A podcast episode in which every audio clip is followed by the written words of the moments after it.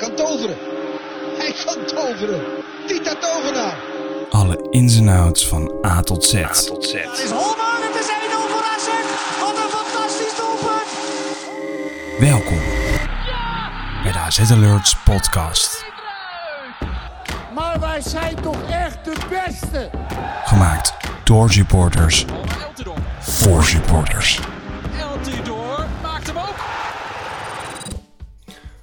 Beste AZ'er, welkom terug bij een nieuwe aflevering van de AZ Alerts podcast. We gaan vandaag eh, deel 2 van de seizoensevaluatie behandelen en daarin nemen we jullie eigenlijk een beetje terug in de tijd ehm, ja, van, het afgelopen, van de afgelopen seizoenhelft. We bespreken eventjes kort elke wedstrijd en eh, nou ja, eigenlijk het verloop tot aan eh, waar we nu staan. Maar voordat we dat gaan- dat gaan doen, beginnen we eventjes met de orde van de dag. En eh, het is, hoe, hoe lang is het eigenlijk geleden? Misschien een kwartiertje of zo dat dit eh, naar buiten, naar buiten kwam. kwam. Iatare opgepakt. Ja, Ja, iedereen eh, gunt hem eigenlijk wel een mooie carrière. Hij heeft natuurlijk iets verschrikkelijks meegemaakt met het jong overlijden van zijn vader. En nou, sinds dat moment heeft hij alles en niets meer op kunnen pakken. Weinig motivatie. Ik denk dat heel Nederland, eh, of heel bekend Nederland, heeft wel een aanbod gedaan om hem te helpen. Nou, de laatste persoon is volgens mij Wesley Sneijder en eh, de familie Nouri dat heeft gedaan. Maar die zeggen ook van het is gewoon niet te doen. Ja, en dan krijg je nu opeens te horen dat hij is opgepakt vanwege bedreigingen of zo. ja ernstige bedreiging. Ja, maar dat en daarvoor enige. hoorde je natuurlijk ook al dat hij in een criminele, criminele circuit zat. In Ja. ieder geval familie van zijn vriendin Mhm. of vrouw. Maar dat was weer een vrouw voor een maand of zo. Ja. Want het was alweer vrij snel eh, uit. Dus het is inderdaad een bijzonder figuur. En eh, ik denk dat het moment wel is daar gekomen dat eh, heel voetbal in Nederland gewoon niet meer naar moet kijken. En dan die, al die kansen die hij heeft gehad heeft verpest. En eh, zoek het lekker uit. Ja, het is wel heel pijnlijk, want Ja. hij, hij had laatst ook op zijn Instagram gezet... ehm, wat had hij ook weer geze- gezegd? Iets van... eh, iedereen die nu met me in zee gaat, zal ik nooit meer in de steek laten. Een dag Ja, later gaat hij wel Sneijder in zee. Ja. En een dag da- daarna is het alweer Wat heeft het klaar. geduurd? Twee weken of zo? Anderhalve week? Nee, minder zelfs. Ja. Een paar dagen. Ja, het, is best wel mij- Hij triest. ging toch ook helemaal met hem Volgens mee mij- naar de Italië toch ook, Snijder? Of zo? Ja, Ja. dat was wel het plan inderdaad. Alleen hij zou nog trainen in eh, Amsterdam Ja, nu. Kan Wesley lekker Alleen ja, pizzatjes dat, eh, eten. en, eh, Dat, It- Italië heeft hij niet eens gehaald. Zo Nee. kort eh, Nee. duurde dat alles. Het is echt wel heel pijnlijk. Ja, hoe, hoe, hoe triest. nu verder? Dat is een beetje de vraag met die jongen. Ja, niet. Ik zeg, eh, zoek het lekker uit. je hebt zoveel kansen gehad. Ja, ja ontzettend zonde. Ja, Als je daar een tijdje zelf niet eh, alle hulp eh, bij, bij de handen aanpakt, ja. Ja, want dat is Dat het ook wel niet, toch? Ik bedoel, hij krijgt van alle kanten uit de voetbalwereld krijgt hij hulp aangeboden. En als je dan niet aanpakt... Bedoel, het lijkt me sterk dat, dat dat, het in dat, de, dat de schuld bij keer misschien Sneijder niet lukt. In dit geval. Ja, Ja, maar het, het, snap dat het de eerste keer wat misschien mij nog niet lukt. het bizarste is, maar- is zeg maar, gewoon dat verschil met... eh, toen hij nog een aantal wedstrijden meespeelde bij Ajax 1 toen. Volgens mij was het nog begin dit seizoen toch ook? Of tenminste in de Ja, voorbereiding. Dat hij toen gewoon daadwerkelijk nog gewoon een sterke indruk maakte ook.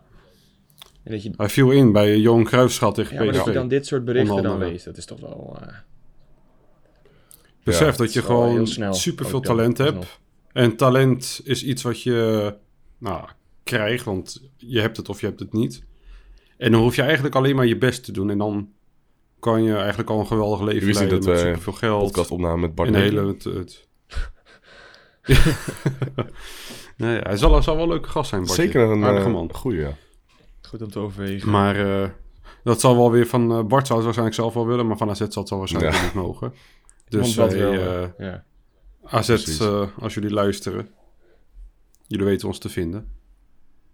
Dan heb je misschien ook een beetje Info Ja, volgens mij staan we wel echt dik boven die University podcast. Of het Even, moment even tussendoor. Ja.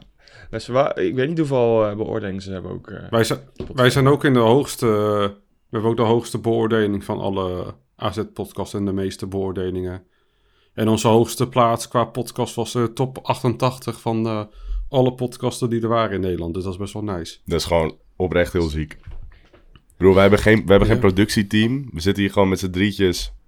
Drie studenten, oké, twee studenten, ik ben student af. En eh Ja, één eh, s- werker. Snurker. microfoontje, drie microfoontjes gekocht. En eh, play en gaan Ja, precies. Nou, wie doet dat ons na? Helemaal niemand. Goed, laten we verder gaan met... ik zie ehm, Anthony zo denken. En, eh, Ja, ik zat echt wel serieus te Ja. denken. Ik, ik kwam ook niet zo ver. Nee, daarom. Natuurlijk zijn we een AZ-podcast, maar ja, we kunnen niet eh, doen alsof het WK eh, niet is begonnen. Hebben jullie eh, de eerste wedstrijd gekeken? Van Nederland of überhaupt? Überhaupt. wel, eh, een wet. Ik heb eh openingswedstrijd gezien. Ik heb Nederlands elftal gezien.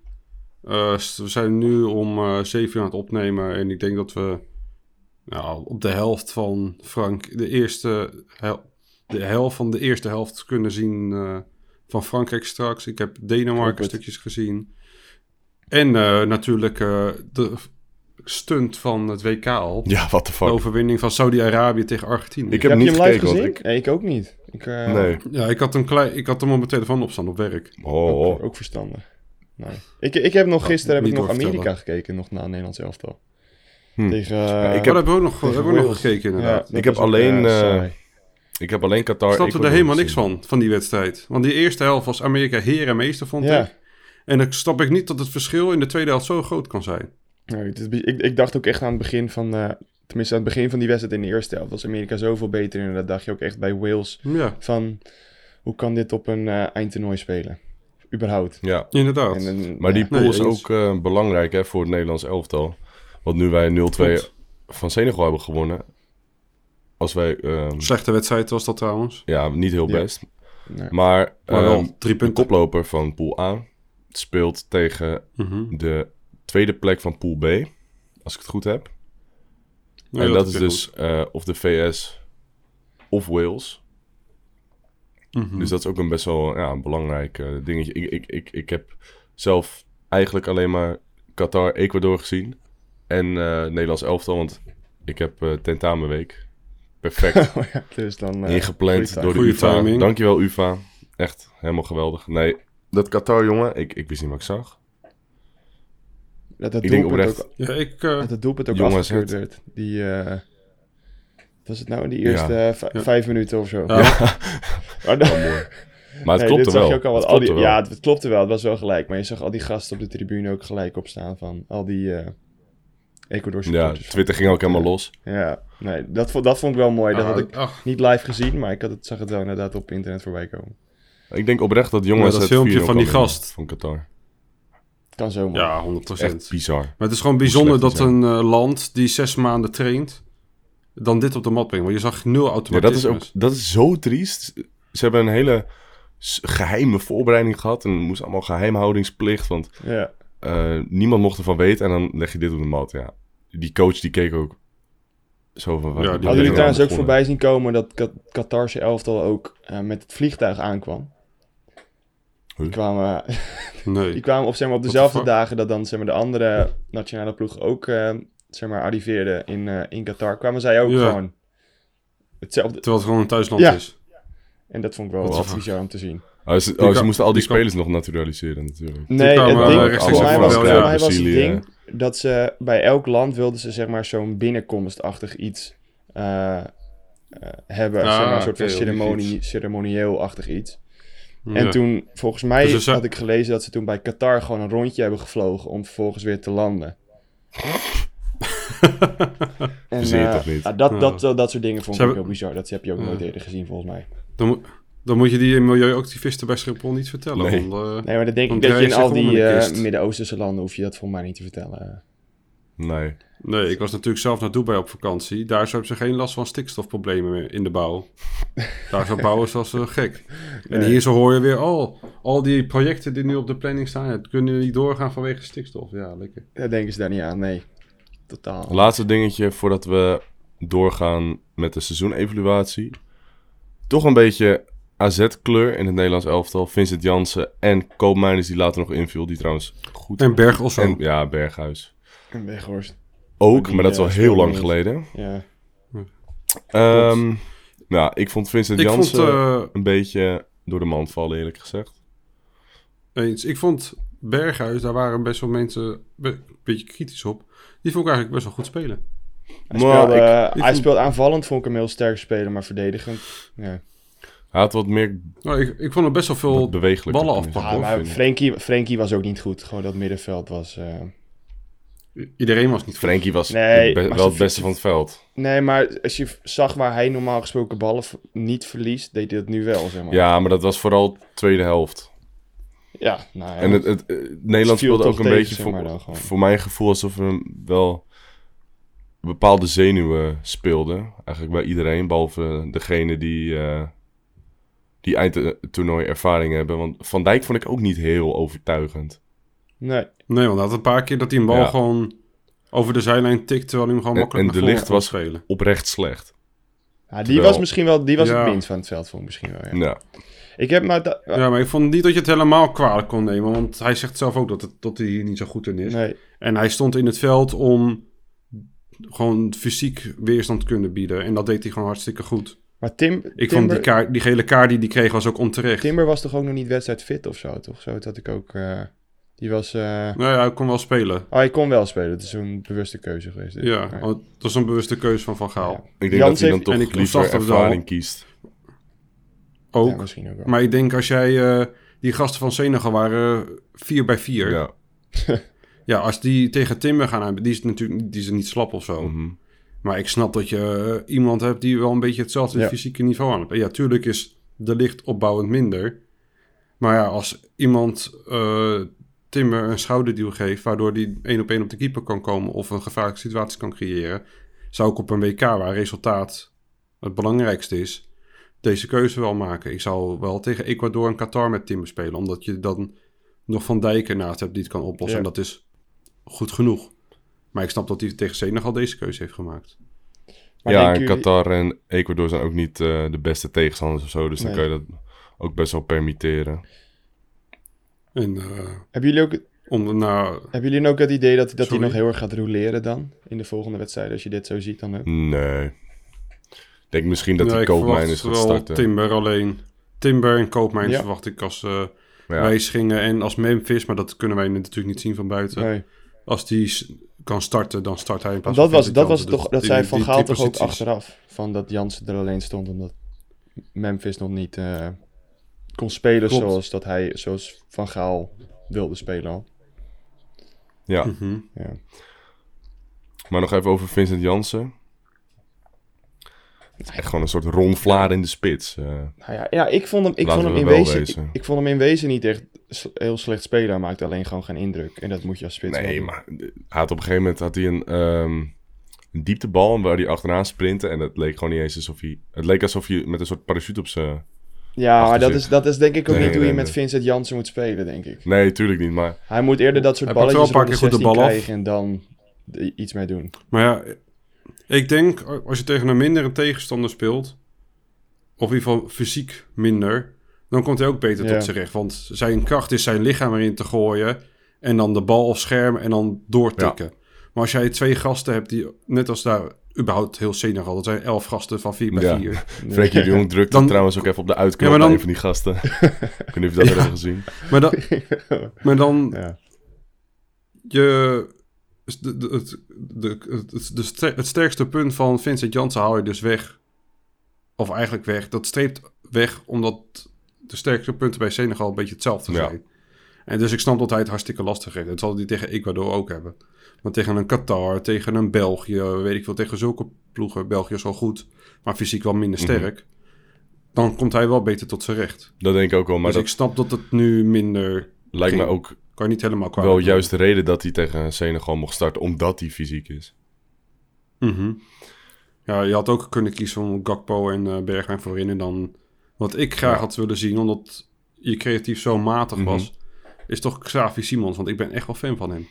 Ja, maar ja, tegen Senegal, ik, ja, ik weet het niet. Hij is al niet... Hij, Hij is speelde toen ook niet tegen sterk, Monaco. Ja, Ja, Ja. daarom. Tegen Monaco speelde hij ook tegen echt gigabeesten. ja, Ja, dat is ook waar. toen, toen beukte hij ze ook Klopt, gewoon maar ik weg. vind het wel Hij is klein, Iets te vroeg maar zo het Het is geen, het is geen al, zekerheidje, zeg maar, met zoiets. in is-. Nee, maar dat is... eh, in wisselen. Noppert ook niet. Nee, maar dat Nee, is dat is verrassend. Oh. En nu, nu doen we opeens alsof we een wereldkeeper hebben.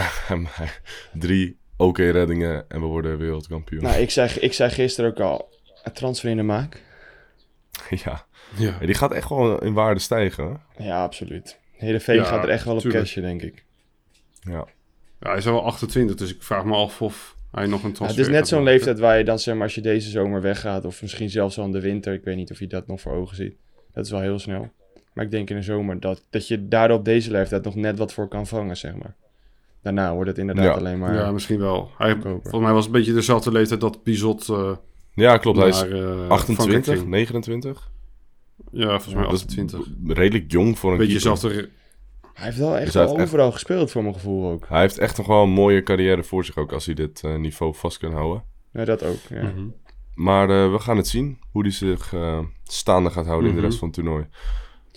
Ik zie trouwens dat we al bijna een kwartier aan het lullen zijn over het WK. Dus ik denk dat het een mooi is moment is om eventjes terug naar Nederland te vliegen vanuit Qatar. En weer in de tijdmachine te stappen naar half oktober. Na de overwinning op aartsrival Ajax begon het besef dan pas eindelijk te komen. Misschien is AZ wel titelkandidaat dit seizoen. In september werd twee keer gelijk gespeeld en vier keer gewonnen. Op 1 oktober stond Groningen uit op het programma, die overtuigend met 1-4 werd gewonnen. Overigens, ik ben nogal een geweldige assist van Peer Koopmijnen, een soort Zidane-aanname. Echt, ik, wi- ik wist niet wat ik zag. Wist hij zelf ook niet. En toen PSV die zaterdagochtend, diezelfde zaterdagochtend, 3-0 van de mat afging tegen Cambuur, compleet onverwacht, konden we eventjes ruiken aan de eerste plek, omdat Ajax iets later thuis aftrapte tegen Go Ahead Eagles. Eventjes, want Ajax wint natuurlijk wel van de Eagles. Maar dat gebeurde niet. Feyenoord stond sowieso een punt achter op ons en dus stonden we opeens bovenaan. En niet alleen in de supporterskringen, maar ook in de media werd het gezegd.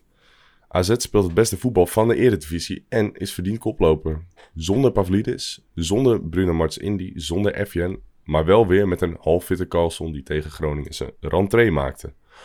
De vraag luidde, is dit vol te houden tot aan de winterstop? Met oog op het speelprogramma zag iedereen die AZ een warm hart toedraagt. Aankomende wedstrijden positief tegemoet. Heb je nog wat op te zeggen of eh, zal ik gewoon doorgaan? Eh, nee. Ik, ik zat er helemaal in eigenlijk. Weet je wat, dan gaan we er gewoon een, een, een, een soort Een luister, Storytime eh, van maken. Van maken. Ja, gewoon een beetje ASMR alerts. Opvallend was het sterke contrast tussen de Eredivisie en de Conference League wedstrijden. Waar we met goed voetbal tegenstander na tegenstander makkelijk opzij zetten in de competitie, ging het eigenlijk precies het tegenovergestelde op Europees gebied.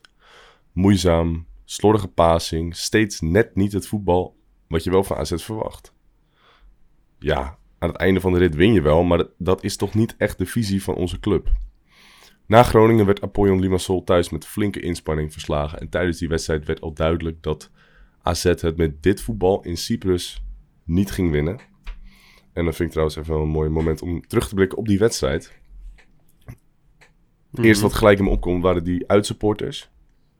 Dat was echt niet Bedoel je de normaal. thuiswedstrijd of De de, thuiswedstrijd. uitwedstrijd? Ja. Ja, ik vond het wel mooi. Die hadden natuurlijk allemaal pyro mee. Maar ook eh, nadat de wedstrijd af was, gingen ze allemaal pyro steken. Vond ik ook wel eh, bijzonder, terwijl Ja. je net hebt En verloren. die Ja. nummers ook. Echt een beetje een soort van... Veel ritmischer of zo dan, dan wat je in de Ja, Eredivisie ik ga daar altijd Ja, wel lekker ook. op. Maar dat is een beetje eh, wat je ook in eh, Zuid-Amerika Mhm. hebt. Het heeft een soort van... Veel meer soort van passie erin en van- sfeer en emotie. Ja. Ik wilde zeggen een soort van duisterder Dus ja. gevoel of zo. Het voelt, het voelt Ja, precies. Het de voelde een soort van beklemder of zo. Ja. Mhm. Het voelt alsof de gladiatoren, zeg maar, ja, precies. die arena binnen rennen, zeg maar. Heel vet. Strijden. Ja. Maar ehm 3-2 was het. En voordat we ehm, de wedstrijden in de pool gingen spelen... Nou, ik, ik kan me nogal goed herinneren. Iedereen's reactie was nou, 18 punten. Ja, Uiteindelijk minimaal. zijn het er 15 geworden. Uiteindelijk zijn het er 15 geworden. En dat komt door dat verdomde maximaal trouwens. Apoel Limassol. ja. Nee, klopt. Toch die Eh, angst voor... die eh, Ja, ik, ik vraag me dan toch af, hoe kan dat verschil zo groot zijn met, met de Eredivisie-wedstrijden? Is er dan toch onderschatting? Want ja, de spelers niet zeggen, per se onderschatting. zeggen nooit dat ze een tegenstander Maar- onderschatten. Maar meer dat ze een wedstrijd op 80% erin gaan of 85%. En dan is het gewoon ontzettend lastig omschakelen naar de 100 weer. Dat zag je ook bij eh, Argentinië vandaag. Die maken, speelden ze helemaal kapot. Scoren vier keer, waarvan drie keer buitenspel. Eén penalty. En die denken nou, op 80% of 70% redden we het wel. En dan scoren die anderen en dan moeten ze opeens opschakelen. En dat blijft gewoon ontzettend lastig. Ja. Mentaal en als fysiek. Want je zit in een bepaald ritme als je een wedstrijd Dat speelt. is zeker waar. En het is heel lastig om dat ritme weer omhoog te, Ja. te Maar je zou toch zeggen, als AZ zijnde zou je dat ritme toch wel... Je, je moet toch wel de duimschroef aan kunnen draaien. Ik bedoel, Zeker, maar dat is ook een kwestie van mentaliteit. En daar hebben wij denk ik te weinig gasten aan die dat ja, kunnen, ja, hoe moet je dat zeggen, dat opkweken of mhm. naar voren krijgen. En we speelden natuurlijk met Limassol, speelden we met Dani de Wit in de spits. Ja, dat is natuurlijk niet eh, ideaal, want volgens mij was Otkaart geblesseerd. Die kwam die wedstrijd toen weer terug eh, van blessure. Ja, je ziet dat de Wit geen spits is en die doet het natuurlijk zijn uiterste best om het zo goed mogelijk in te vullen. Dus je kan het hem ook niet kwalijk nemen. Eh, maar ja, daardoor speel je wel gewoon een stroeve wedstrijd. En ik kan me nog wel herinneren dat in de 3-2... eh, dat Milos Kerker zo'n prachtig gaat zit had op Jesper Karlsson. Ja, klopt. Bij de, bij de 3-2. Die en kopt Ja. hem in. Ja. Je hoeft alleen maar te springen, tegenaan te lopen, maar hoeft er geen richting aan te geven, gewoon rechtdoor plop. Ik dacht, eigenlijk, ik dacht eigenlijk op dat moment dat het een soort van weder, eh wederopkeer van Carlson ging worden. Zeg maar, die met, met die 3-2 zo voor Ja, toen. dan denk ik van, oh, Carlsen is weer terug. Ja, Hij is weer belangrijk. En, eh, ook. toch niet. Nee, ja, dat- Net Tot niet. nu toe ja. eh, blijkt Nee. inderdaad van niet. Ik heb het... Ook al heeft hij wel al een paar doelpuntjes gemaakt en assist. Alleen, maar het zijn toch toch niet de goals... ik verwacht belangrijk. echt meer Het zijn van toch hem. niet goals waarvan je denkt van... Carlson is weer terug, weet je wel. nee. Het is geen Nee, mooi klopt. Het is afstandsknal niet naar binnen trekken en schieten slim, in de eh, kruising. slim, hakje of zo. Maar als je bijvoorbeeld kijkt dat hij gewoon een paar keer op de goede positie stond. Zulke goals zijn Ja. het. En het zijn geen individuele actiegoals. Nee, Nee, nog zonde. niet. Nog niet. Vorig seizoen Maar dat- MVP. Maar verbaast het jullie dan ook niet dat hij, dat, hij, dat hij gedaald is ook in waarde? Sinds dat hij geblesseerd is? Hij is niet gedaald. Nee, maar verbaast het jullie dan ook niet dat hij niet gedaald is? Nee, Mhm. omdat je... Als je geblesseerd bent, dan, dalen ze, dan laten ze nooit je waarde dalen. Hele simpel uitleggen. Nou, maar wel, wel met, Ja, met Van Heusden. dat- Dat is wel zo. Van Heusden is ja, maar dat komt omdat hij, ook, omdat hij ook niet heeft gepresteerd. En die is weet, oprecht al ruim een jaar niet gespeeld. En dat is wel anders dan Carlson. Ja. Dat is waar. Tu- Ja, die heeft sporadisch een paar minuutjes gemaakt, maar... Nee, Ja. correct. Dat is ook. En daarin, en daarin overtuigde hij ook niet. Maar in principe daalt de speler niet in eh, als hij bij wijze van anderhalve maand geblesseerd is. Dat zou ook een beetje raar zijn. Carlson is trouwens 16 miljoen, hè. Echt veel. Zeker als je bedenkt dat het nog een jonge speler is. En meestal met dat soort spelers ga je er met een beetje geluk... eh, het zal zijn 5 tot 10 miljoen altijd boven zitten. Hoe oud is hij nu Ik denk dat je voor... Dan? Ik gok 23, gok ik. Ik durf het niet te zeggen, maar ik denk 24. 24, ah, ja. Nee, ik weet het niet zeker. Maar Nou, oh, dan, eh, nou, nou, dan, eh, ja. Maar dat is ook zo'n leeftijd waarvan je op een even gegeven moment dan wel zegt van, 24 24 is hij, ja. ja, in ja juli. dat, is, dat is inderdaad een leeftijd, 24, 25, waar je zegt van... Nu gaat hij een stap En dan maken. gaat hij dus op 5... In de zomer gaat hij dan weg. 25 is hij dan. 25 miljoen. Als je dan 20 miljoen... Ja, dat vind ik wel veel. Ligt eraan maar hoe hij die heeft, zich, hij heeft wel, aankomende seizoen hij heeft wel een contract tot 2026. ja maar dus als je je lang, wel veel maar heb jij- hebben jullie dan ook niet het gevoel dat als je langer blijft dan juist je 25ste, dat die waarde dan ook weer omlaag gaat? Dat clubs dan niet meer inzien dat je extreem... klopt. Alleen dat denk ik wel vanaf een... Nou, dat ben ik niet... Nee, want eh Gakpo kon ook al een stap maken. En die is ook, blijft ook weer een jaar langer. En zijn waarde stijgt momenteel alleen maar. Maar die is toch een stuk jonger ook. Klopt, maar je ziet ook bij Alvarez of een uh, Tagliafico. Ja, Tagliafico Ja, is dan nu al 29 of 30. Ja. Maar die gasten gaan, gingen ook, eh, die hadden ook een marktwaarde van 30 miljoen, terwijl die eh, 27 was. Martinez ook volgens mij. Dat is waar. Maar die gek is voor 70 Zo. miljoen gegaan naar Ja. eh, United. Ja. Zal ik weer verder ja, gaan? Oké, dat klopt. Inderdaad- Ja, sorry, ja. Heel mooi. We dwalen weer af. We gaan weer verder met ASMR alerts. Utrecht uit. Zo'n potje waarvan je denkt, als we deze winnen, gaat het er wel heel rooskleurig uitzien. Een stampvol uitvak met onder, met onder andere uw podcastmakers Niel, Anthony en Emiel. Prachtig weer, Ja, goede sfeer Met en een goed spel. Van Prachtige vlag. Prachtige vlag ook inderdaad, heb ik er niet bij staan, maar is wel zo. En voor de oplettende luisteraar, je had hem kunnen zien op tv. Je had mij ook kunnen zien op tv, maar goed. Zeker. Wanneer en ook dat je ook, met hè? al die meidjes eh, ging eh scharrelen. De wat? Oh nee, daar gaan we niet.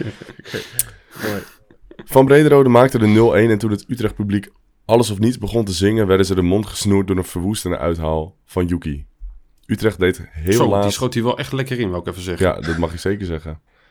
Heerlijk. Maar gewoon, die timing was echt perfect. En dan als je En bij Utrecht uit, als je het publiek dan, het thuispubliek, zo schaam je kapot hoort, hoort zingen. voelt extra lekker. Iets niet is er bijna je niet. kunnen horen, toch? Nee. En wat ook lekker Precies. is, want je mentioned ook de goal van, van Brederode. Dat was een beetje het moment dat iedereen zegt hij moet eruit. Ja, maar dat, Ja, zo is het met en Van dat Brederode is dan wel altijd. extra lekker dat hij dan scoort. Maar dat wil ik even bewaren voor als we straks de vervangers van de geblesseerden gaan bespreken. Ja. Maar dat is wel een soort terugkomend fenomeen bij eh, Van Mhm. Brederode. Utrecht deed heel laat nog wat terug. Te laat. 1-2 dus. En weer een overwinning. Blundertje van Verhulst. Ja, ja, een beetje een raar momentje. Maar maar blunder. Vind je het een blunder? Ik vond het niet een blunder. Ja, 100%. Meer, ja, een beetje een... Het was ook een, gewoon een hele rare goal. Hij schoot hem ook vanuit een hele rare hoek, schoot hij hem in. Ja, maar hij kwam toen helemaal uit, Ja. nog. Dat, wel, dat zocht toen helemaal nergens Nee, op. klopt. Nee, oké. Blunder dan. Wel weer een overwinning in een historische moeilijke, historisch moeilijke uitwedstrijd. En weer een weekje bovenaan. AZ kan wel eens serieus kandidaat worden voor de eindzegen. Hoogmoed voor de val? Veel hoogmoed is er onder AZ-supporters niet. Altijd nuchter. We doen het gewoon goed. Houd beide benen op de grond en ga gewoon lekker door met voetballen. Ondertussen was de media van overtuigd. AZ wordt kampioen. Dit heb ik letterlijk gehoord op de radio. Als mensen zeggen, oh je overdrijft nu. Nee. Ik weet niet meer wie het was. Misschien Hugo Borst. Volgens mij was Hugo Ja, Borst. die, die, zeggen wel vaker van dat soort eh, dingen. Dus. Ja, daarom. Eerst een goed gevoel overhouden aan Limassol en dan over Feyenoord heen in een ballade thuiswedstrijd. Nou ja, zoals we allemaal weten, dat ging toch eventjes anders. AZ liep tegen een grote lamp aan in de vorm van de Cypriotische zon en drie dagen later verloren we van de club waarvan we het minst graag van verliezen, Feyenoord. Dan is de vraag, en dat is een hele moeilijke vraag, waar ging het fout? Heb je even? Ja, ik heb wel eventjes hoor. Start Nou, in dat geval. Ik niet. Ja, oké. Nee, eh, laten we beginnen bij eh Apollon Limassol. Eh, ik vond dat gewoon echt een, een partij waar geen passie van onze kant in zat. Nee, En als jij niet bereid bent om het gras onder je voeten vandaan te rennen, dan win je niet. Zo makkelijk is het. En dan kan je tegen de slechtste verliezen.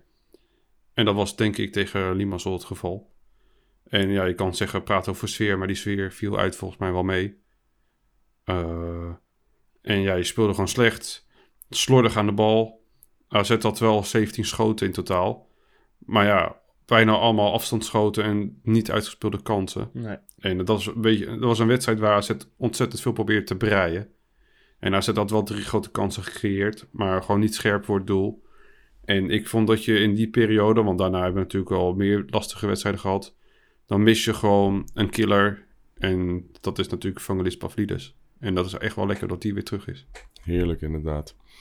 Maar ehm, toevallig was Limassol ook de eerste wedstrijd, uitwedstrijd die ik heb gezien van AZ in de Conference League.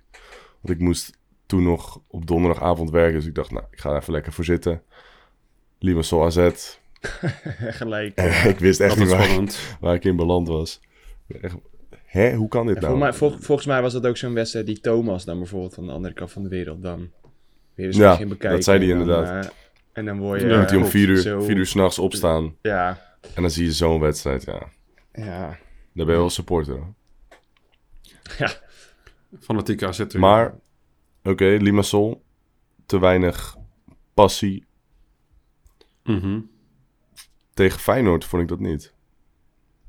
Nee. Tegen Feyenoord begonnen we goed met een eh goede voorzet en assist van Pantelis Athiakos op een kopbal van Jens Otkaart.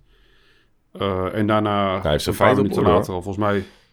Ja, en daarna een paar minuten later was natuurlijk eh, de penalty van eh, Feyenoord door een domme overtreding. Ik dacht dat dat Beukema was. Ja, Ja, maar dat was een, was een foutje van uh, Hatsidiakos. volgens mij. En daaruit moest Ja, Beukema klopt, aan die- de die- noodrem, eh. Inderdaad. Maar die handrem, dat had handrem niet gehoeven. Ik denk als hij gewoon op zijn voeten bleef staan, dan eh, Ja. was niks aan de hand. Hij, bleef- hij liet zijn voet- zijn benen heel lang hangen. Eh, ja, dat was natuurlijk onnodig. Maar dat Maar ja, is in ieder geval, je gaat 1-1 de rust Ja. in. En daarna krijg je twee goals tegen, allebei van een afstandsschot, waar allebei geen druk op de bal is. Ja, En dat vind ik dat het gewoon kwalijk is. Maar inderdaad, qua passie zat het in die en wedstrijd dat ook goed. misschien wel 1-4 kunnen En wat worden. ook goed zat, is dat de sfeer eh, was ook ontzettend goed bij ons Ja. in het stadion. Want dat was wel een eh, lekker potje. Zeker. Maar Mooi spandoek ook. volgens mij had eh Szymanski, die mocht helemaal doorlopen. Ja. Schoot toen op de paal, dacht ik. Nee, Ja, die heeft hij ook nog een als, keertje als, ik, als ik dan daar, daar iets... Als hoe ik het zag op dat moment was dat gewoon dat je die, die, die drie met Hatsidiakos, eh Dekker en eh Beukema, dat die gewoon tijdens die wedstrijd niet sterk waren. Eh, en dat dat dan Nee. misschien wel achter de feiten aanlopen was in die wedstrijd. Ik vond Jes, Jesper Karlsson die wedstrijd ook niet sterk. Onzichtbaar. Nee, maar om nou te zeggen zeg maar, dat je hele aanval nou echt onwijs slecht was die wedstrijd, dat wilde ik nog niet zeggen. Maar ik heb gewoon het gevoel dat het aan je verdediging lag. Ja, ook ook Kerkers was in die wedstrijd niet ongelooflijk. Klopt. Nee, ik vond Dus dat- ehm Odgaard ook niet heel goed. Hij was veel in duel met, met Hij Trauner. was, maar hij ja, was aanwezig en dat is iets wat Ja. hij af en toe heeft hij dat ook niet. En daarom vond ik hem wel een, een van de, zijn betere wedstrijden toen spelen eigenlijk. Dat wel, maar Mhm. alsnog had ik wat meer van hem verwacht. Eigenlijk in duel met Trauner probeerde hij steeds langs te sprinten. En ja, hij is niet de snelste en hij, Nee. hij oogt af en toe ook een beetje klungelig. En Trauner vind ik de beste verdediger van de Eredivisie. Ja, dat was niet helemaal... Het waren leuke duels om te zien, maar goed. trok vaak aan het langste eind. Maar ze stonden ook heel veel naar voren, Feyenoord. Hun, hun laatste Ja, klopt. Ik vind dat ook zeker... heel, heel ver naar voren. En dat zorgde er ook voor Verdienste dat... van dat Slot, ze- hoor. Nee, dat klopt ook. Maar dat is precies waar Odgaard zich niet wil bevinden. Die wil niet juist... Die wil zo, zo min mogelijk rennen eigenlijk. En natuurlijk Mhm. rond die 16 eh, iets doen. En dat kon hij niet tegen Feyenoord helemaal. Ja, als hij gewoon één op één een mannetje voor zich heeft, in de 16, Ja. Klopt. dan is hij op zijn gevaarlijkst. Maar inderdaad, als Mhm. hij de hele tijd zich rond de middellijn begeeft en hij moet steeds ehm, achter ballen aanrennen die over de laatste linie van Feyenoord heen worden gegeven, ja, dat, dat is niet zijn kracht. En het, eigenlijk is het precies Nee. hetzelfde met Pavlidis. Die hebben allebei niet die explosieve snelheid. Nee. Nou vind ik Pa- Pavlidis wel iets meer een counterspits dan Odgaard, maar alsnog, het zijn geen, het zijn geen counterspitsen. Maar ik vind dat nee. eh. Feyenoord, zeker in de eerste helft, tactisch echt veel beter was. Vooral het, het druk Mhm. zetten ehm, vroeg in de opbouw deden ze echt heel goed. En Ja, Slot weet natuurlijk daardoor hoe je gedwongen voor de lange bal. speelt. Voor de lange bal. Precies. En dat wist Slot ook. En er was ontzettend veel druk op Reiners, waardoor hij niet in zijn dribbel een man Ja. kon passeren. En daardoor was er geen aansluiting weer naar Een voren. mooi compliment want de bal trouwens werd daar, voor kwam daar niet. Dat hij zo, eh, ja, Reiners is- heeft echt een goed zo werd seizoen. gedekt. Maar ja, ehm, in ieder geval... Maar op zich, je hebt van PSV, dat is dan later, Mhm. van Ajax gewonnen. Het kan gebeuren dat je van Ja, tuurlijk. Het is geen schande, maar ja, het is toch zeker met de dingen die de afgelopen seizoenen zijn gebeurd tussen AZ en Feyenoord. Je wil gewoon Mhm. Ja. Niet van Feyenoord Als je verliezen. van een wedstrijd niet wilt verliezen, is, Exact. als je van iemand iets is het Feyenoord. Maar ik denk dat een, dat een, dat een Van de Brom in zijn tijd... Dat, die, dat we geen enkele wedstrijd van de top drie eh, wonnen... dan kwijlend naar de, die wedstrijden kijkt. Als hij opeens ziet dat we En- wedstrijden van Ajax en PSV wel gewonnen hebben. Nou, ik denk dat die Feyenoord inderdaad wel te vergeefs had gegeven. Maar dat Mhm. is, dat is gewoon... En maar dat is wat misschien wel leuk is te zit, vertellen. maar het is wel waar we vandaan komen, zeg maar. Mhm. En wat misschien wel leuk is om te vertellen, je hebt de podcast wat al eerder is benoemd eh, over eh, van, hoe die gast? Alex Alex Pastoor, met open vizier. En daar zo was eh, Pascal Jansen te gast. Alleen de laatste twee afleveringen had je Arne Slot te gast. En in deel Durf niet te 2 luisteren. gaat hij in op het ontslag bij AZ. Ik heb er zelf nog niet geluisterd. Ik heb wel stukjes over gelezen Oh. wat hij daarin zegt. Oeh, dat is wel Eh, interessant. maar ik denk dat het wel leuk is om te beluisteren wat hij nou precies te zeggen heeft over dat ontslag. Ja, En eh, ja, zoals eh, ik er nu een stukje kan quoten. voor mijn gevoel begreep iedereen dat ik ontslagen werd. Dat vond ik erg lastig. De perceptie van de mensen in Alkmaar was dat ik, dat ik een slang en een NSB'er was. Slot zijn kinderen gingen destijds in de omgeving van Alkmaar naar school en kregen daar alle teksten mee. Om die reden gaan zij nu niet in de omgeving van Rotterdam naar school. Dat is een uitvoering van het ontslag in Alkmaar geweest, al de slot. Oftewel, hij heeft het privé dus al een beetje last van gehad. Maar de omgeving, en die had dus het. Maar hij had hij bij Feyenoord helemaal gehad. Ja. Dus ik weet, dus ik, dat, Precies. Ja. het, is, het is nu dat hij nu die, voor, dat hij die voor, eh vooruit Voorzorgsmaatregel. Voorzorgsmaatregelen neemt Mhm. Maar Mhm. ja. Klopt. Maar in ieder geval wat ik ermee wil zeggen is dat hij gaat er dus wel dieper op in. En dat is denk ik wel leuk om te Ja, horen. dus hij is eh het niet mee eens. Maar was dat Maar van de andere kant begrijpt hij het wel. van Alex Pastoor met Maar was dat dan ook diezelfde Zeker. Arne Slot. podcast waar, Maar- die, eh, waar Arne Slot ook inging op zijn band met Schreuder? En dat hij vond dat Schreuder een eh, hele goede coach was. Volgens, volgens mij had hij dat gezegd bij ESPN. Oh, dat was Ja. bezig. Nou, Ja, voor mij was het of ook hij zeg maar, een soort van casual. Dat, dat was een soort van casual gesprek of zo, tenminste. Dus ik dacht dat het ook in een podcast was. Maar ja, dat Ja. hij kampioen wil worden, denk ik. Omdat Schreuder aan moet blijven of zo. Oh, Ja. dat, had, dat, dat kan ook inderdaad. Ja, nee. Maar dat Ik vond denk ik niet dat die Schreuder het op de rit gaat krijgen bij Ajax. Maar laten we weer terug gaan Ja, naar AZ. ja. Nou goed, verliezen van Limassol, verliezen van Feyenoord. Gelukkig konden we weer op het rechte pad komen tegen Excelsior. Een uitwedstrijd waar we niet heel graag aan herinnerd willen worden. Het blijkt een historische angstgekner te zijn. Tegen ieders verwachting in snoept Rotterdam nog meer punten van Alkmaar af en gaan met lege handen naar huis. AZ was in het begin veel beter, maar wist niet te scoren en dus krijg je de deksel op je neus, waarna het hard bergafwaarts ging.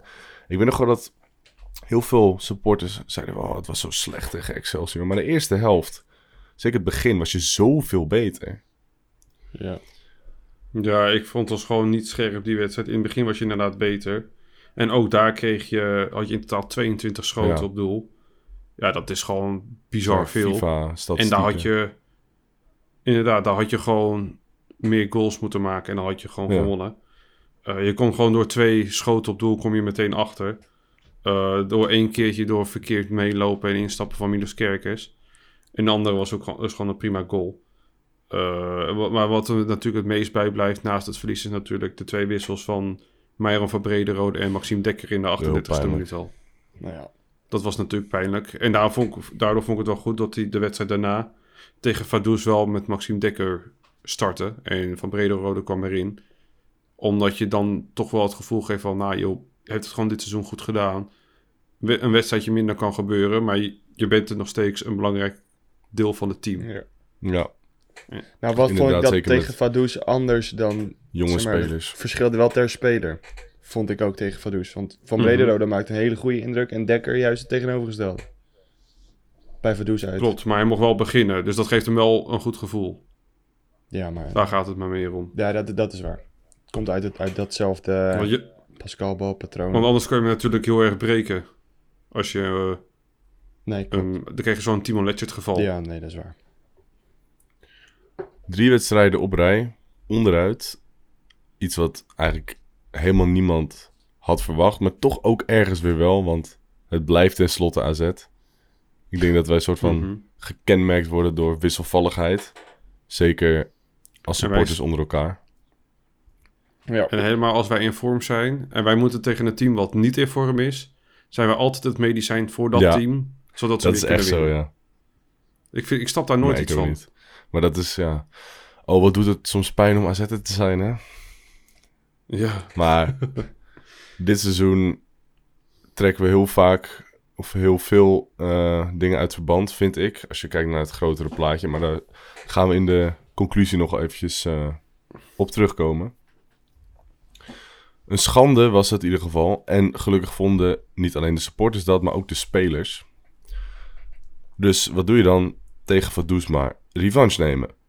In de eerste helft konden we het net niet vinden, maar de tweede helft scoorde Kerkers op een manier alsof je wilde zeggen: schiet die bal er nou eens een keer in, jongens. Van Brederode scoorde, of Breidere scoorde uit naar 0-2. Vervolgens hielp Bazoer dan Vaduz wel weer een handje met een ongelofelijke ziekenhuisbal. Ja. Maar we trokken hem wel over de streep en daar ging het om. hij wou het graag spannend Ja. Ja, nee, precies. Bazoer vind ik sowieso niet heel eh, gelukkig tot nu toe. Die wilde nog even een doelpunt laten Kan je wel zien. stellen? Uh, Liechtensteinse koning. Ja. Beetje zo'n zo'n zo'n nonchalante terugspeelbal. Echt zo'n Ja. bazoerballetje. Misschien moet dat alsof begrip iemand geld worden. op had ingezet. eh in een dan. Misschien dat zijn broer wel gewoon Mhm. 1-2 eh, toto. Ja. Je weet het niet. Je weet het niet. Het kan zomaar gebeuren. In ieder geval, door de domme verliespartij tegen Limassol moest AZ ook nog eens echt aan de bakken in de Conference League. Ondertussen bleef, Dnip, bleef Dnipro 1 namelijk gewoon hun wedstrijden winnen. En konden ze theoretisch gezien over AZ heen om de koppositie in de pool te veroveren, mits ze natuurlijk wonnen. AZ hoefde dus alleen of minimaal gelijk te spelen. Maar eerst moest er in de Eredivisie een keertje gewonnen worden. Te beginnen bij FC Volendam. Een thuiswedstrijd waarbij het stadion verbazingwekkend genoeg bijna helemaal vol zat. Ja, met ruim heel 18.000 veel man. Volendam heeft laten zien dat het eigenlijk niet echt een Eredivisie-ploeg heeft. Maar je kan wel stellen dat Volendam thuis op papier de makkelijkste wedstrijd van het seizoen zou moeten zijn. Maar dat viel toch even tegen. Behalve als je een rood kaartje pakt. Daar kom ik inderdaad nu op. Een rode kaart van de Wit gooide roet in het eten. Maar door die rode kaart werd er wel weer ouderwets gevochten voor elke bal. Extra meters gemaakt en op de tanden gebeten om de drie punten te verzekeren. Ik heb... ehm, of hier eindigt mijn verhaal eigenlijk. Dus eh, ik dacht dat het leuk is om gewoon Mhm. een beetje... Dnipro, RKC en PSV algeheel te bespreken. Te beginnen bij Mhm. Dnipro. Waar we Ja. als ik het me goed herinner, redelijk vroeg op voorsprong komen. Ja, En dan klopt. Gelijk weer 1-1. Door die, Ja, dat was in de 40ste minuut door, door ja, dus eigenlijk de enige speler waar je echt bang voor moet zijn. Bij Ook echt een goede speler is dat. Ja, ik, ik, ik ken hem eigenlijk helemaal niet. Nou, hij heeft, tot nu toe heeft hij in 13 wedstrijden 10 goals gemaakt en 1 assist in de competitie bij hun. Maar ook in Europa is hij echt wel op dreef. Dat is echt wel knap. Hmm. Hij heeft daar, in Europa heeft hij 5 goals gemaakt en 2 assists in 6 Hij wedstrijden. heeft een heel goed seizoen Hij gehad. heeft ook een marktwaarde. Ja, die is gewoon hartstikke steady. En nou, iedereen weet ook gewoon, er is één speler die je moet in bedwang moet houden. En dat is hij. En toch prikt hij. Ja. En dan ben je een goede spits. Ja. ja, quoteje. Of tegeltje. Hebben we heel lang niet eh, gedaan. Heel lang niet Ja. ingegooid, nee. Maar als je prikt ben je een goede spits, ja. Daar, eh, Dus geen eh pijl Nou. dat ook.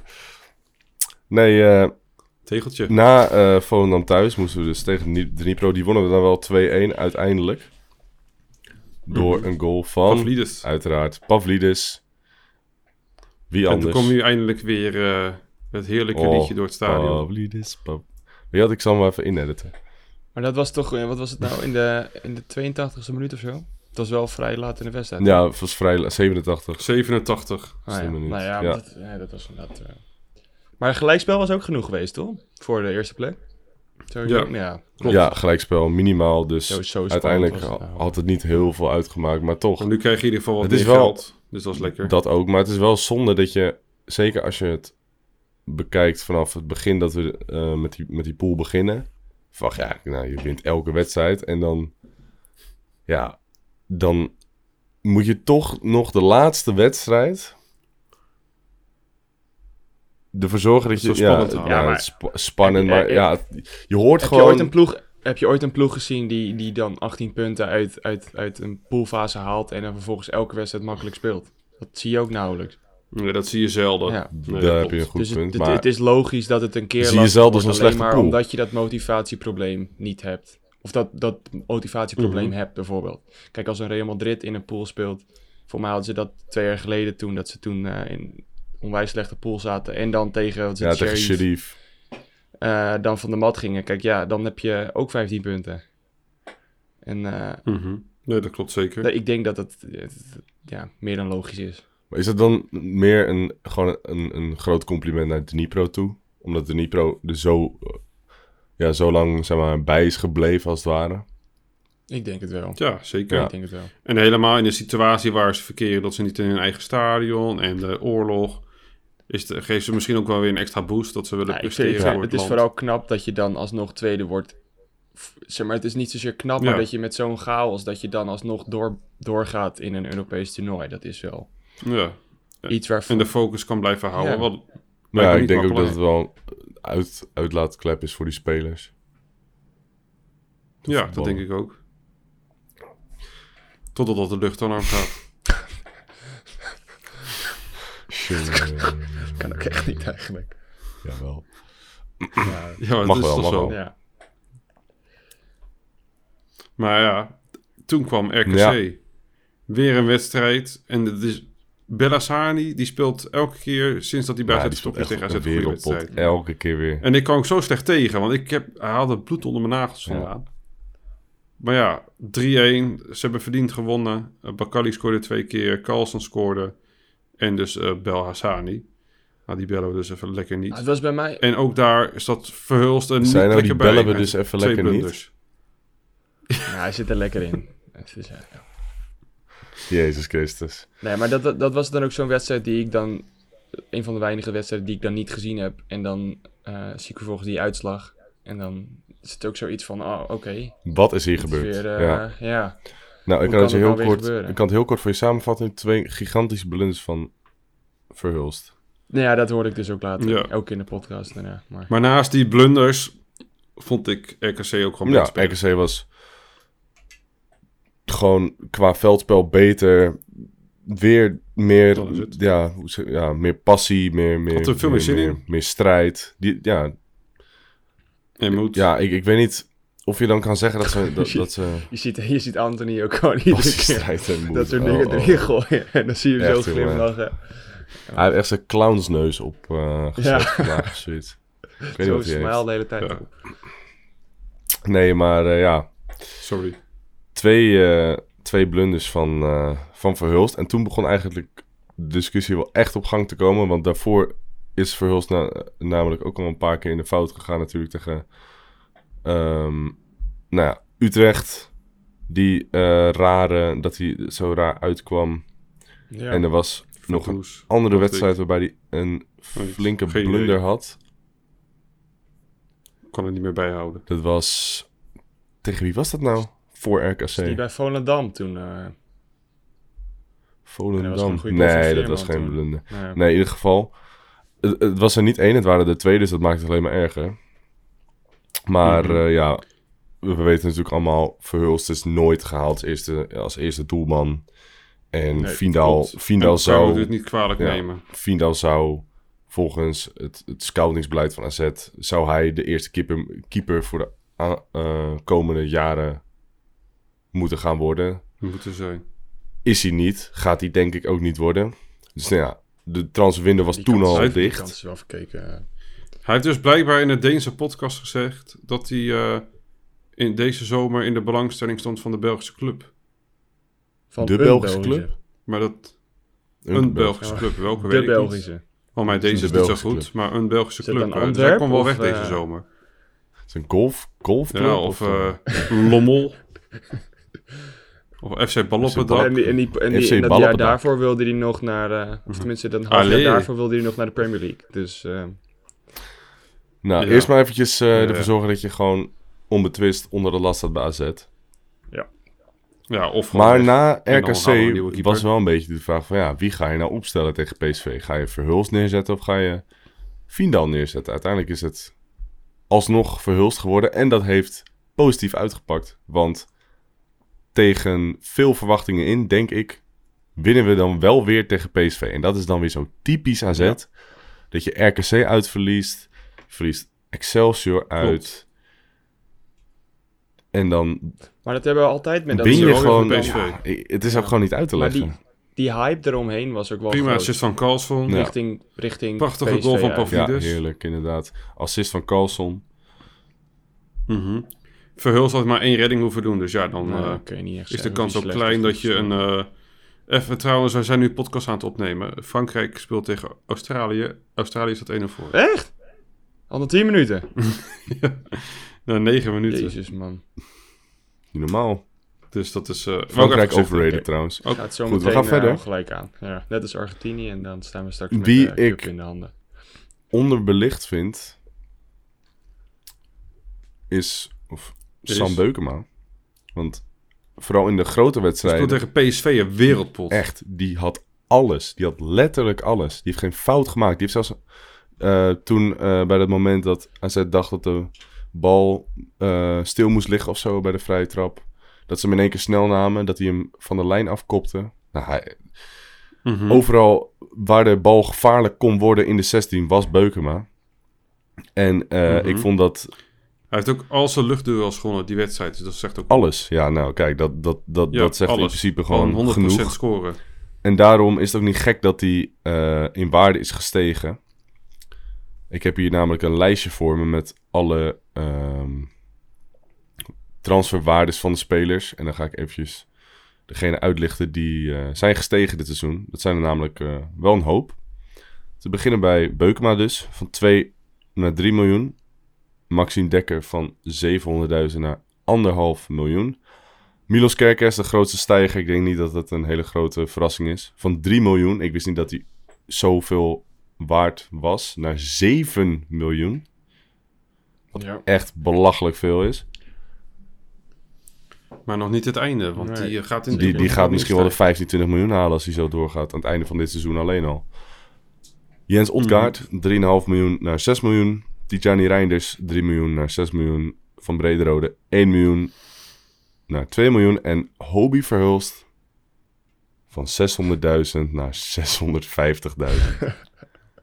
Daar wordt de penningmeester blij van. Dat is weer- Die gouden tand, hè. Maar dat, dat, dat denk, daar Kan denk ik dan ook over maken. na. Verhulst die verdient dan ook echt vele malen minder, neem ik aan, dan de rest van, de, van het elftal. Mag ik, mag ik hopen. Ik verwacht inderdaad dat hij minder verdient dan een Vindal. Ja. Dat- Nee, maar ik denk dat hij dat die echt wel echt heel ver ervan af zit ook. Ja? Dat Ik hij zou het misschien niet weten. eh, Een als een part-time bij de Vibra werkt of keepersalaris. zo. Maar dat is, dat is dat zijn keepers verdienen denk ik al minder. Ik denk dat die eh, Ik, denk dat, ik denk dat hij nog steeds wel anderhalf of twee ton pakt hoor. ja, genoeg Denk motivatie. Minimaal. Minimaal. Zullen we Ik Michael misschien Koster even bellen om het te vragen? Heb zijn nummer staan. Ik zie Anthony als telefoon pakken. Gaat hij het echt doen? Gaan we het echt doen? Even kijken. Nee, ik zie al aan zijn kop dat het bullshit is. Het zou wel leuk Je zijn. zag ook al die Maar- telefoon oplichten ook. En dan, eh, Misschien moeten we nog een beetje goodwill hebben bij AZ. nou, Misschien we kun jij bijna dat kwijt. creëren. Ik heb, ik heb zelf de hoop opgegeven. Nou ja, ik heb één belletje Maar bij gehad jou, bij, met, jou, eh, bij jou neemt hij hem gewoon niet om, drukt hij hem gewoon zo weg. eh. ik heb één belletje gehad met meneer Koster en dat was, ja, niet heel eh, vriendelijk. Nee, Ik kan Ed ook niet normaal meer aankijken ook. nee, ik ook niet. Dus, eh, nee. Nee. Ze worden allemaal op de, op Maar dat, is, de, dat, is, dat is weer een ander verhaal. Ja. op de guillotine gelegd in Kijk deze sowieso podcast. liever naar vrouwen dan naar Ed. Oké. Nou ja, we zijn met eh, de winst op PSV aangekomen bij het einde van de eerste seizoenshelft. En die stond, wat mij betreft, een beetje in teken van het blessureleed. En we hadden dan ook heel veel vervangers voor die spelers. We hebben eventjes, ehm, of we gaan per speler, per vervanger van een eh, basisklant, gaan we eventjes kort bespreken hoe diegene het heeft gedaan. En eh, dan Mhm. beginnen we bij Lachdo als vervanger van Hey. Efjen. Efjen. Niet, niet een Een één op, slash niet een één op één vervanger, maar een beetje... Je moet het zien als Ja. de, dezelfde rol als Efjen. Ja. Yes. Ja, Efjen. Dat ik bedoel, eh, Lachto, dat is toch wel een beetje mijn... eh, ja, De ruwe diamant. Eh ruwe diamant. Maar ruwe diamant wel. nee, ik eh, ben eh, eigenlijk wel tevreden over. Maar hij is ontzettend doelgericht. Volgens mij heeft die gast al drie keer tegen de lat geschoten. Goed schot. Eh, hij heeft dit weekend, of deze interlandperiode dat WK is... heeft hij zijn debuut gemaakt voor Jong Zweden.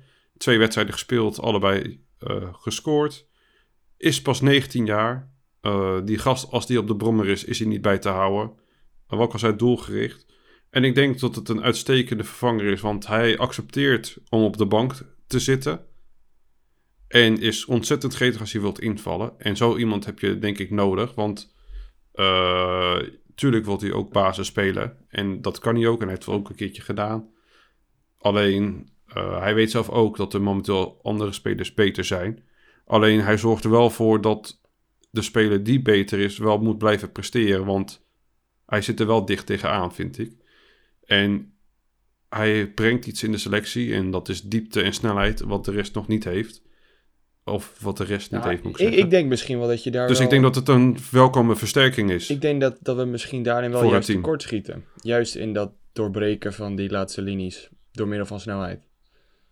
Je had natuurlijk altijd met Carlson en, Ja. eh, ja, en Kerkes die dan met z'n tweeën eigenlijk dan die linkerflank bestrijken. Maar dat zie je de laatste tijd al helemaal niet eigenlijk. En ik denk misschien juist wel dat je daar met een lachdo wel vaker eh, doorheen kan breken. Maar ik denk dat je dat bij meer op een rechterflank doet met Lachdo. Want dan steek je de bal tussen de linies Nee, door en dan nee, uiteraard. hij Maar dat, dat, het dat was iets wat. Van Brederode natuurlijk ook had in die wedstrijden dat hij heeft gespeeld. Mooi bruggetje, Niel. Van ja, Brederode. Nee, ja, van Brederode, ja. als vervanger eh, van Carlson. Ik vind persoonlijk dat hij het eh, goed heeft gedaan. Ik zie jullie allebei al een beetje twijfelend kijken, maar ik heb een goede uitleg voor. Het was natuurlijk niet de bedoeling dat hij dit seizoen al zoveel zou gaan spelen bij AZ1. Het zou, of het was de bedoeling dat hij in ieder geval veel minuten zou maken bij Jong en dan sporadisch invallen bij AZ1. En ik denk dan in de tweede seizoenshelft of misschien wel eh, volgend seizoen dat hij dan echt eh zijn doorbraak zou moeten maken. Maar ja, Carlson geblesseerd en dus moest hij er in één keer staan. En ehm, dat deed hij tegen Go Ahead al heel goed. Dat was de eerste wedstrijd van het seizoen waarbij hij gelijk scoorde. En toen is ook dat eh, nummer van Van Brede Rode toen ontstaan. En toen, ja, er is gewoon heel veel hype om zo'n speler heen. Want het is weer een gigantisch jeugdtalent. En ehm, dat soort gasten wil je het gewoon goed zien doen. Maar ja, ik ben ook wel weer zo realistisch om te zeggen... daarna heeft hij het niet zo goed gedaan als we gehoopt hadden. Weinig eh, betrokken bij Klopt. goals. En ik vind eh, de manier waarop hij af en toe speelt... ook een beetje eh, in het nadeel werken...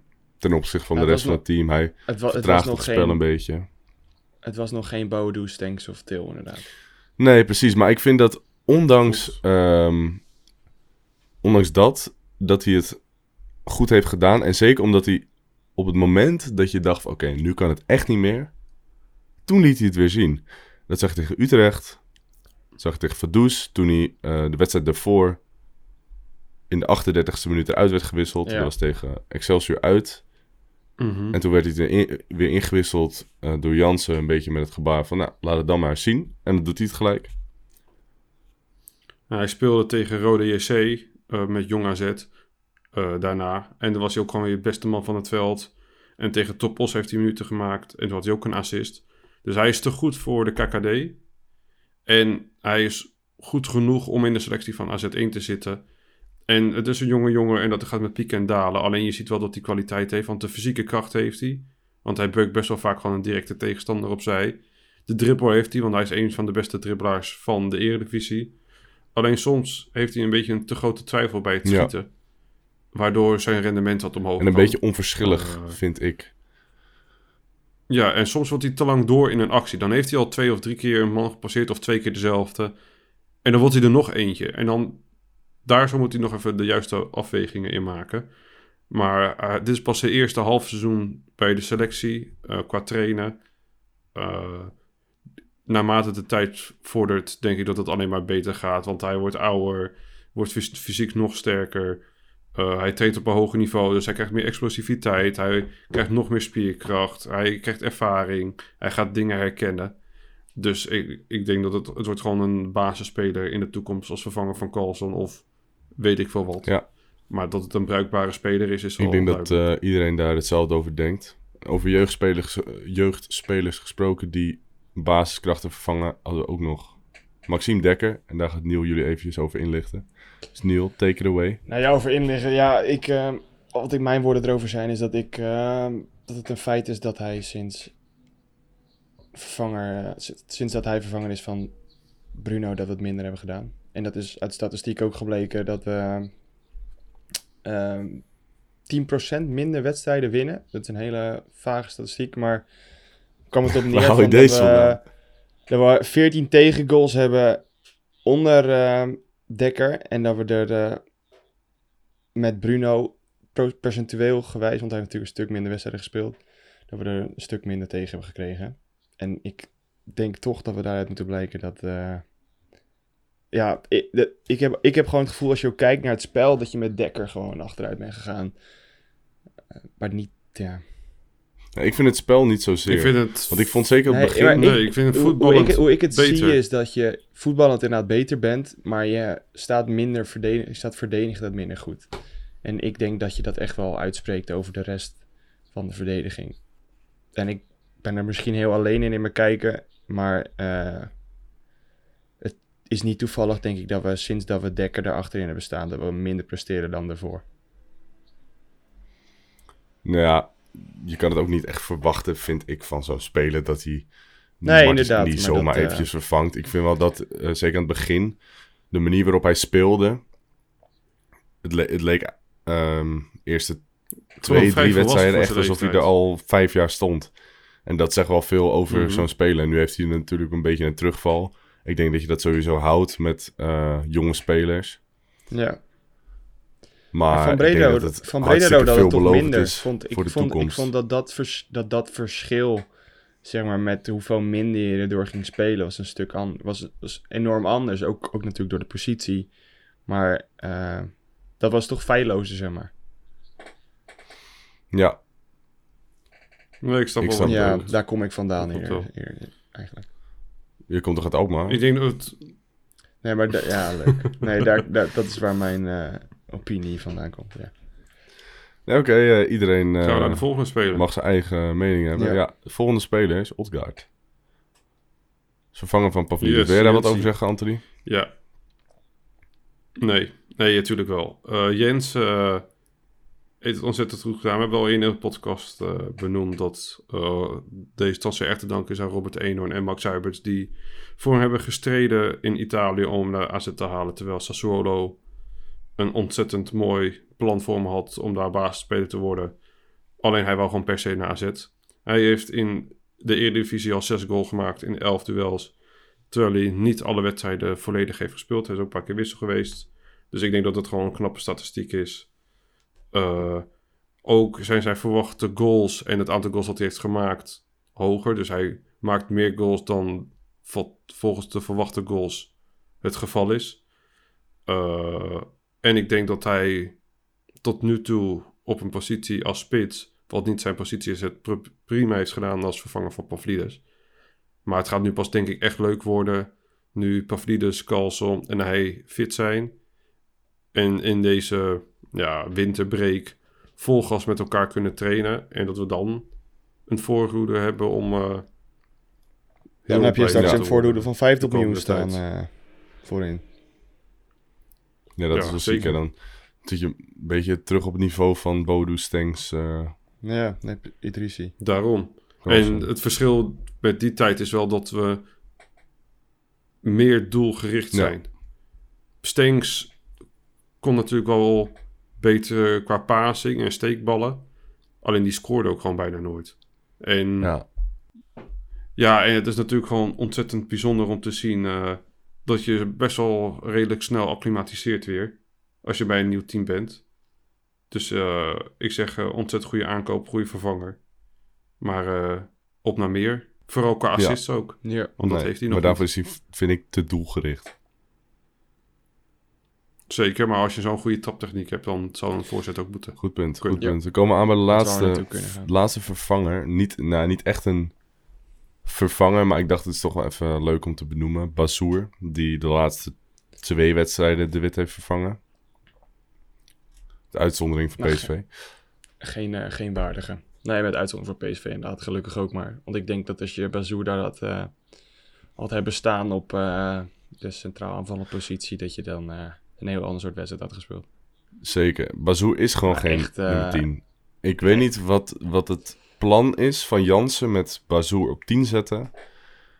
Ik denk dat hij te veel filmpjes Slecht van Bazoer heeft gekeken toen hij bij Ajax Nou, voetbalde of zo. Ik, Ja. ik weet het niet, Nou, maar... ik, ik, denk, ik denk eerder dat het vandaan komt met dat, ze Rijn, dat hij Reinders per se niet op 10 wil, heb, wil, wilt hebben staan. Willen, Dat denk ik ook. Hij denkt, hij doet het goed op 8, laat hem nou Ja, staan. Dat ik denkt denk hij, dat denk hij daar zo om denkt En en ik niet denk- per se waar Bazoer het beste speelt. En daarom denk ik dat dat een slecht idee is. Ja, nee, precies. Ja. Ja, zo. Nee, je ziet kunnen. alles dat Bazoer geen eh 10 is. Dus ik heb liever Bazoer op 8 en Reinders op 10, want die heeft altijd op 10 gespeeld vroeger. En bij AZ pas in Alkmaar. Hij, we- hij, hij voelt zich comfortabeler, meer comfortabeler op 10 dan Bazou dat is. Ja, maar ik, ik, denk, ik denk inderdaad toch Op wel dat het vandaan komt uit dat Jan zich vast wil houden aan zo'n zo'nzelfde soort formatie. En die dan gewoon hoopt dat hij feilloos de wit vervangt, inderdaad. In plaats van dat Reinders dat doet en dat ze dan weer omschakelen. En dan, Klopt. Ja, maar met hoop eh, bereik je niks. Dus daarom Zeker. Pascal Oud. Nee, ja, nou... Podcasttitel. nee, Pascal Oud?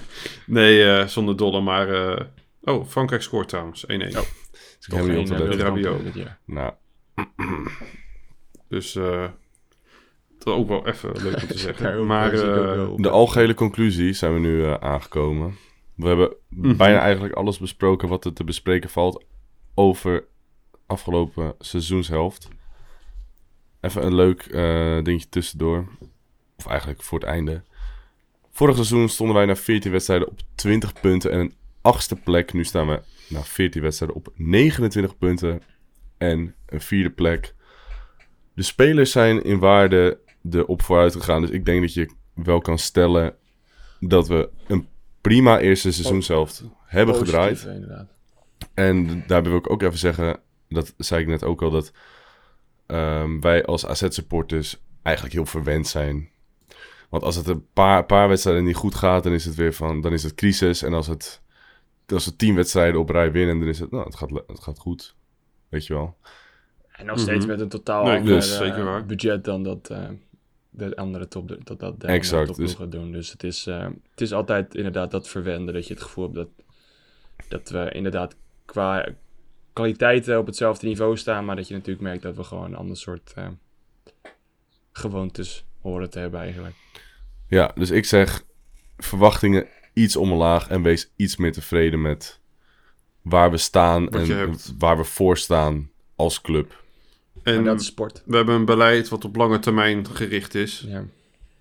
Dus we bouwen echt op lange termijn dat we stabiel zijn. En we willen niet pieken één seizoen en daarna weer naar Daarom. beneden zakken. Dus we gaan echt gestaagd omhoog.